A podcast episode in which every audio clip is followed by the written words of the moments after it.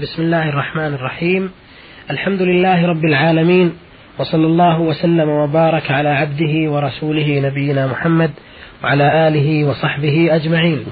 مستمعي الكرام السلام عليكم ورحمة الله وبركاته ومرحبا بكم في حلقة جديدة من حلقات نور على الدرب.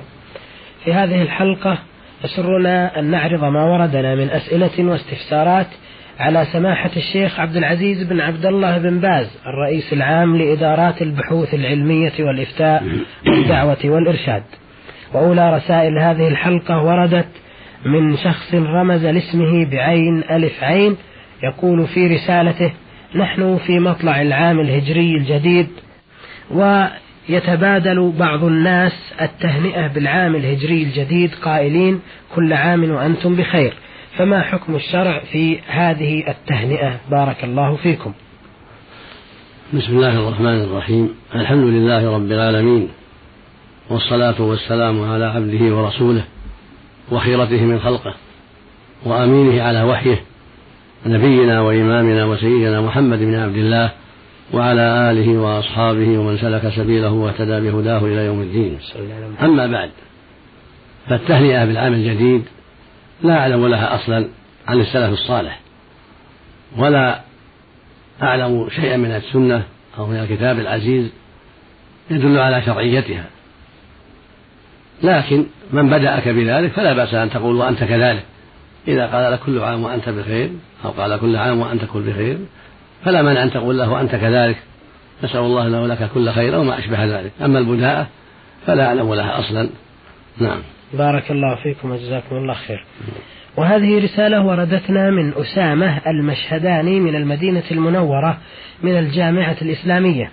يقول ورد إلي سؤال من فلسطين طلب مني السائل عرضه على سماحتكم وهو هل يجوز سرقة اليهودي وما الدليل على ذلك أفتونا مأجورين؟ اليهود الآن الذين هم حرب للمسلمين في فلسطين هؤلاء على المسلمين أن يعملوا كل ما يستطيعون من نهب أموالهم ومن قتلهم وغير ذلك لأن حرب للمسلمين والحرب قائمة وليس بينهم وبين المسلمين صلح. فهم الآن حرب للمسلمين في بلادهم مع المسلمين هناك. فلا مانع من مساعدة الفلسطينيين على حربهم ولا مانع من نهب أموالهم وأخذ أولادهم ونحو ذلك. إذا كان ذلك ممكنا بدون مضرة على المسلمين الذين لديهم. أما إذا كان أخذ أولادهم أو نهب أموالهم يترتب عليه ما هو أضر وما هو أكبر شرا على المسلمين الذين عندهم فينبغي ترك ذلك. حتى لا يضر إخوانهم المسلمين المقيمين بين أظهرهم. والمقصود أن الواجب جهادهم في الله عز وجل حتى تستنقذ البلاد من أيديهم.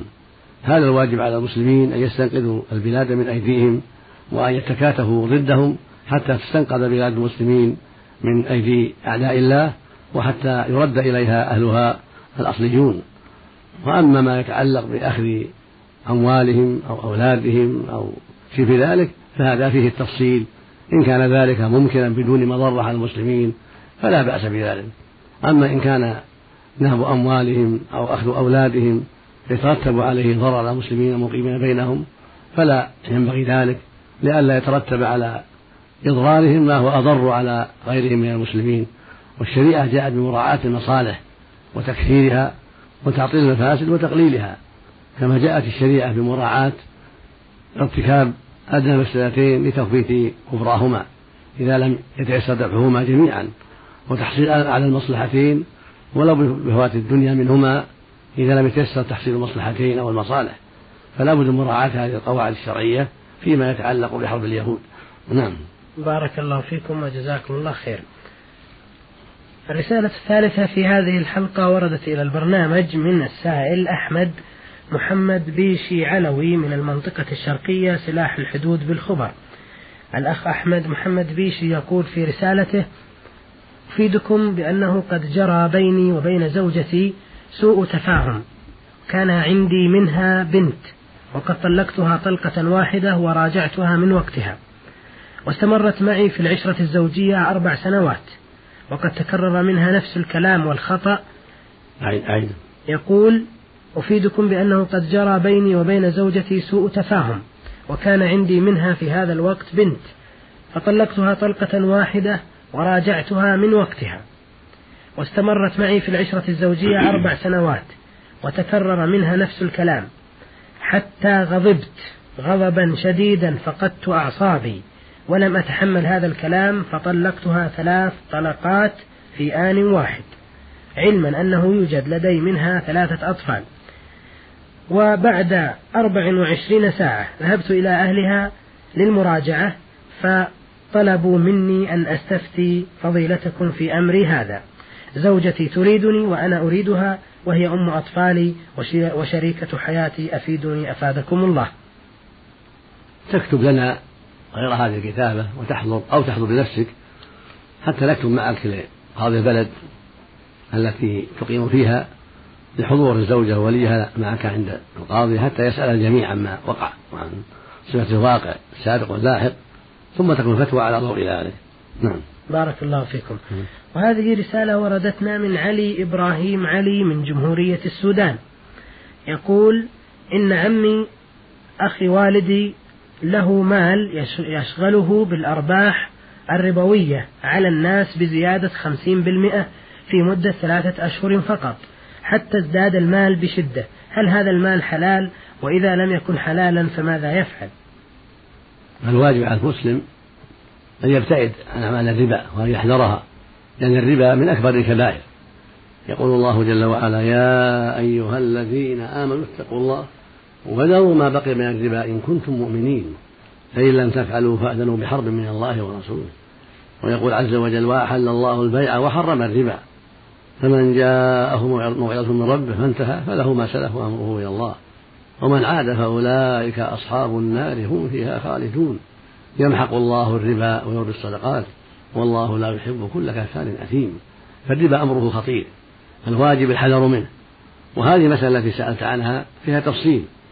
فإن كان يبيع النقود بالنقود بالمئة بمئة وخمسين والعشرة بخمسة عشر إلى أجل أو يدا بيد هذا ربا صريح محرم عند جميع أهل العلم. أما إن كان قصدك أنه يشتري السلعة ثم يبيعها بزيادة هذا له شأن آخر.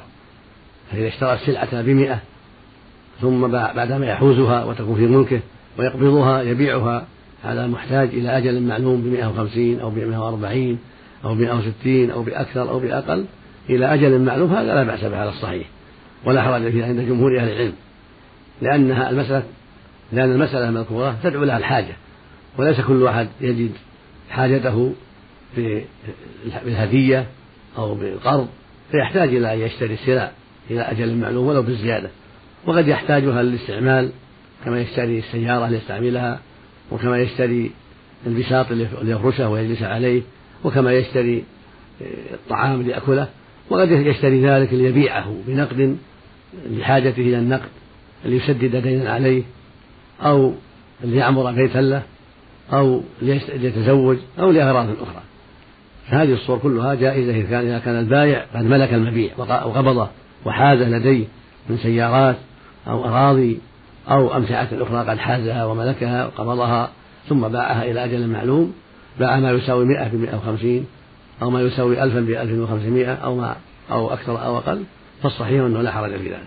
سواء كان أراد بك الاستعمال أو أراد أن يبيع السلعة في نقد ليستعمل النقد في حاجته وهذه الأخيرة تسمى التورق من يشتري السلعة إلى أجل أن يبيعها بالنقد ثم ينتهي بالنقد. هذه يسميها بعض أهل العلم مسألة التورق ويسميها العامة الوعدة مسألة الوعدة. وهذه صحيحة لا بأس بها. في أصح قولي العلماء لما عرفت من الأسباب. نعم. بارك الله فيكم. الأخ علي إبراهيم علي من السودان له سؤال ثان في رسالته يقول فيه إن أخي متزوج من بنت خالته وأنجبت له طفلين لكنه أو لكنها ظهرت له بأنها مريضة بمرض كريه لا يعالجه الدكاترة ولا الأولياء ويرميها في النار. وتأكد هذا الأخ بأن هذه الزوجة مريضة قبل الزواج لكنه لا يعرفها وأراد طلاقها فماذا عليه؟ لا حرج في طلاقها إذا أحب يطلقها لمرضها المذكور فلا بأس. لكن إذا كان ليس لها من يقوم بحالها ويؤويها ويعالجها ويصبر عليها فالأولى له يصبر هو ويحتسب الأجر حتى يصونها وحتى يحميها عن وقوعها في النار عما يضرها. هذا هو الذي ينبغي له. ينبغي المؤمن أن يرحم زوجته ولا سيما أم أولاده ويعطف عليها حتى يشفيها الله من فضله أو يختار لها الموت. لكن إذا كان لها أهل يقومون عليها ويعطفون عليها ويتولونها فلا مانع من طلاقه لها. أما إن كانت ليس لها أحد فالأفضل له والأولى به الصبر لعله يستطيع أن يعمل شيئا معها من المعروف من علاج أو غيره وأقل شيء أن ينفق عليها ويحسن إليها حتى يتم شفاؤها أو يختار الله لها الوفاة. وقوله لا يستطيع علاجها الأطباء ولا الأولياء هذا فيه تفصيل. فإن الأولياء هم المؤمنون. وبعض الناس يظن أن الأولياء أن الأولياء ناس لهم خصوصية يتصرفون في الناس أو لهم كرامات خاصة أو لهم تصرف في الكون أو هذا غلط عظيم. فأولياء الله هم أهل الإيمان هم أهل التقوى. كل من كان مسلما مؤمنا فهو ولي لله. قال تعالى ألا إن أولياء الله لا خوف عليهم ولا هم يحزنون. الذين آمنوا وكانوا يتقون. قال سبحانه في سورة الأنفال وما كانوا أولياءه إن أولياءه إلا المتقون. فأولياء الله هم أهل التقوى هم أهل الخير والاستقامة هم صالح المسلمين. فينبغي لك أن تعلم ذلك. فليس الولي شخصا له خصوصية بالتصرف في الكون أو بشفاء المرضى أو بعلم الغيب أو ما أشبه ذلك. هذا يظنه بعض الجاهلين. ويظنه بعض الصوفية الغالطين الجاهلين فالأولياء هم المؤمنون. ليس لهم خصوصية أخرى غير المؤمنين. هم المؤمنون هم مطيعون لله ولرسوله هم أهل التقوى والهدى. يقال لهم أولياء الله ويقال لهم مؤمنون ويقال لهم مسلمون ويقال لهم الأبرار ويقال لهم الصالحون. وهم ليس في أيديهم شيء من علم الغيب ولا من شفاء المرضى ولا من التصرف في عباد الله بما لا ليس في طوق العبد وإنما قد يدعون فينفع الله بدعائهم قد يرقون الميت فينفع الله برؤيتهم. كسائر المؤمنين ليس لهم صفة خاصة بل كل مؤمن فهو ولي لله عز وجل. وليس في أيديهم تصرف في العباد أو في الكون كما يظن بعض الجهلة من الصوفية وغيرهم. فمن ظن أو اعتقد أن بعض الناس يتصرف في الكون مع الله يدبر الكون يشفي المرضى يعلم الغيب هذا كفر وضلال كفر أكبر نعوذ بالله من ذلك. وإنما شفاء المرضى بيد الله وعلم الغيب إلى الله سبحانه وتعالى وتصرف العباد بيده جل وعلا. لا أحد تصرف العباد غيره سبحانه وتعالى. فينبغي للسائل أن يعلم هذا وأن يكون على بينة حتى لا يقع فيما وقع فيه الجاهلون من اعتقادات فاسدة فيما يظن فيما يسمونهم بالأولياء. نسأل الله للجميع التوفيق والهداية. نعم. بارك الله فيكم. هذه رسالة وردتنا من محمد المطيري من الزلفي الحي الشمالي. الأخ محمد يقول في رسالته حلفت والدتي بالله العظيم بأن ابنتها لا تأخذ شخصا أردت أنا أن أزوجه أختي. وبعد حين جاء أحد الأقارب أقارب والدتي وطلب أختي وزوجها من الشخص الذي حلفت عليه أمتي أمي أنه لا يأخذ ابنتها وقد عقد له عليها. وبعد ذلك اتضح بأن الذي زوجناه رضيع لأختي فأخلى سبيلها. السؤال هل عليها كفارة؟ أو أي شيء آخر فهي محرجة تماما من أقاربها آه، بسبب زواج الشخص المذكور. أفيدونا أفادكم الله. عليها كفارة اليمين. لأن ما حلفت عليه وقع. حلفت أن لا يزوج من هذا الشخص أن لا تزوج ابنتها من هذا الشخص ثم سمحت بذلك ووافقت على ذلك أو آه، زوجت من غير إنشراح. بكل حال ما دام زوجت عليه فعليها كفارة اليمين. وهي إطعام عشرة مساكين أو كسوتهم عشرة. كل مسكين يعطى نصف الصاع من التمر كيلو ونصف تقريبا من التمر أو من الأرز أو من أي نوع من أنواع قوت البلد. أو تكسوهم كسوة على قميص قميص أو على إزار ورداء هذا هو هذه الكفارة. أو عتق عبد مؤمن أو عبد أو أمة مؤمنة نعم. بارك الله فيكم. آه هذه رسالة وردت إلى البرنامج من تونس من السائل الذي رمز لاسمه بسين لام لام. هذا السائل يقول في رسالته لقد فعلت ما يغضب الله تبارك وتعالى. فعلت فعل قوم لوط. وبعدما فعلت هذه الفعلة أقسمت بالطلاق أن أسافر إلى بلدي في شهر كذا. لكنني ندمت على الطلاق الذي أقسمت به وأنا في حالة غضب لدرجة أنني نظرت المرآة وبصقت على وجهي وقلت أنا لا يصح أن أكون مسلم. سؤالي هل تقع الطلاق؟ هل يقع الطلاق إذا لم أسافر في الوقت المحدد؟ أما أولا فعمل قوم لوط من أكبر الكبائر ومن أعظم الفواحش نسأل الله العافية. قد قال الله في ذلك لقوم لوط إنكم لتأتون الفاحشة ما سبقكم بها من أحد من العالمين. وفي الحديث لعن الله من عمل عمل قوم لوط لعن الله من عمل عمل قوم لوط. لعن الله من عمل عمل قوم فهي فاحشة عظمى ونكرة نسأل الله السلامة. وعليك التوبة إلى الله من ذلك التوبة الصادقة المتضمنة الندم على ما مضى منك والإقلاع من ذلك تعظيما لله وخوفا منه سبحانه وتعالى وطاعة له. ومع مع العزم الصادق ألا تعود إلى ذلك. هذا هو الواجب عليك نسأل الله أن يمن عليك بالتوبة. ولعلك تبت إن شاء الله من ذلك. والمقصود أن التائب من الذنب كمن لا ذنب له. وإذا من الله عليك بالتوبة الصادقة فأنت على خير. وعرفت التوبة الصادقة هي المتضمنة لأمور ثلاثة. الأمر الأول الندم على ما مضى منك من هذا العمل القبيح المنكر. الثاني الإقلاع منه والحذر منه. الثالث العزم الصادق ألا تعود فيه. وينبغي لك مع هذا ويشرع لك أن تتبع هذا بالعمل الصالح. لقول الله عز وجل وتوبوا إلى الله جميعا أيها المؤمنون لعلكم تفلحون. ولقوله سبحانه لما ذكر الشرك والقتل والزنا في سورة الفرقان قال إلا من تاب وآمن.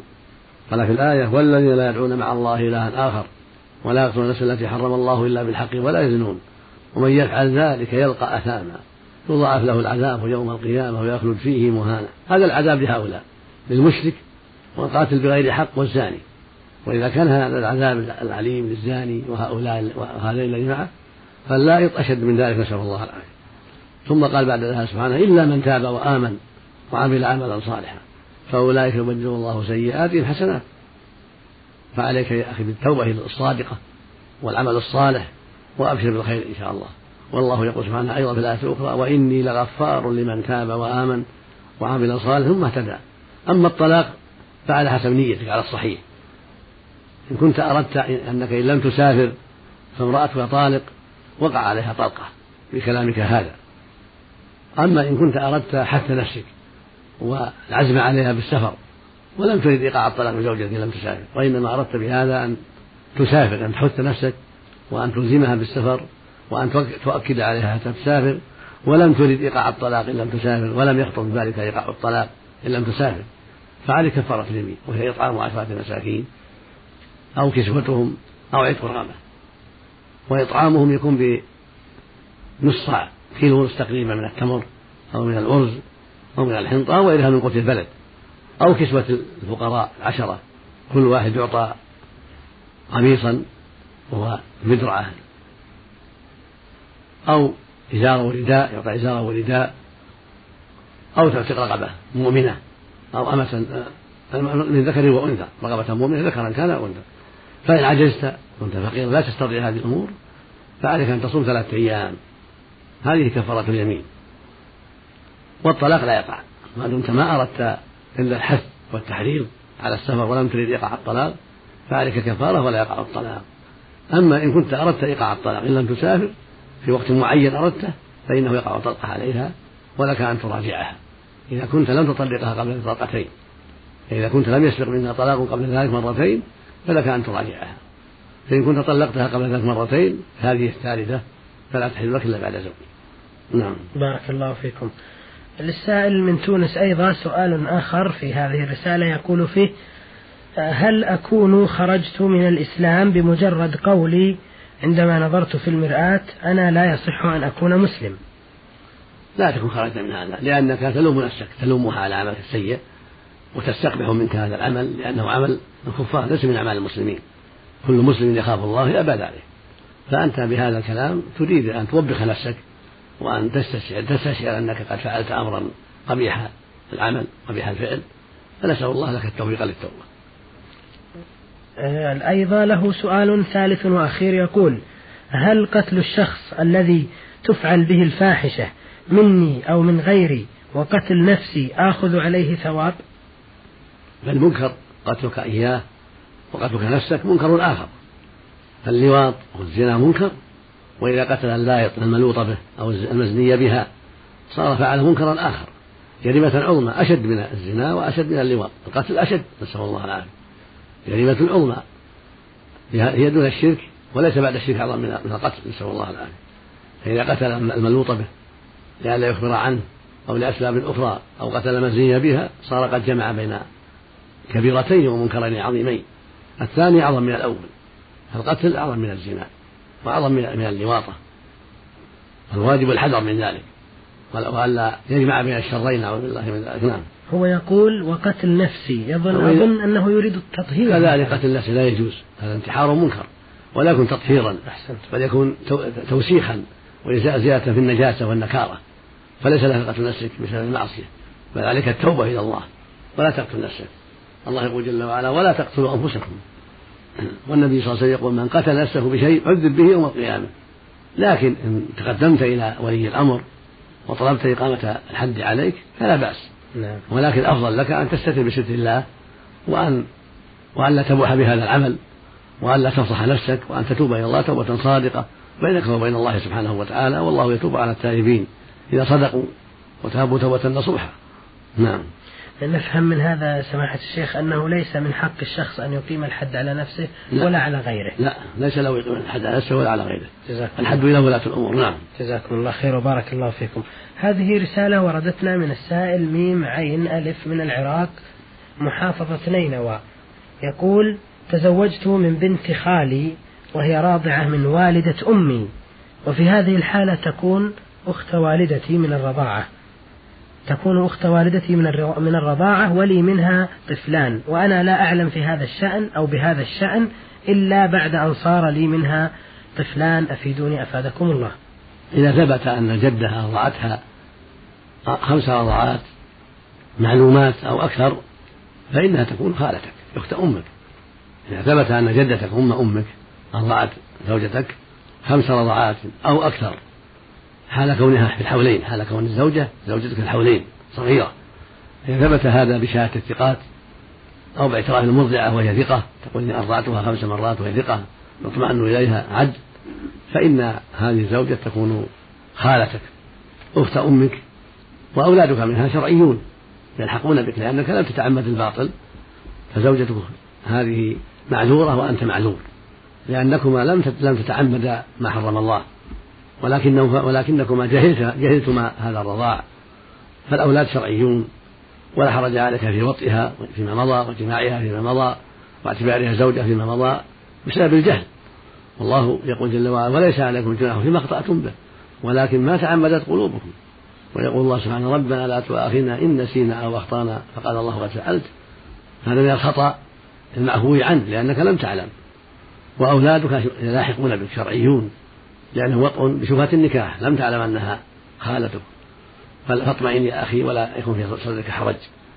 وفارقها وأحسن إليها لأنها أم ولديك فأحسن إليها واسأل ربك أن يعطيك خيرا منها وأن يعطيها خيرا منك.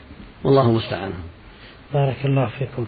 هذه رسالة وردت من العراق أيضا من السائل عبد الله عبد الغني العامري من الموصل أو من الموصل. يقول في رسالته أنا متزوج ووالدتي متوفية ولي زوجة أب ظالمة علي وعلى زوجتي ودائما تحرض والدي علي وتختلق المشاكل والفتن ولا تدعنا نعيش بوئام وسلام.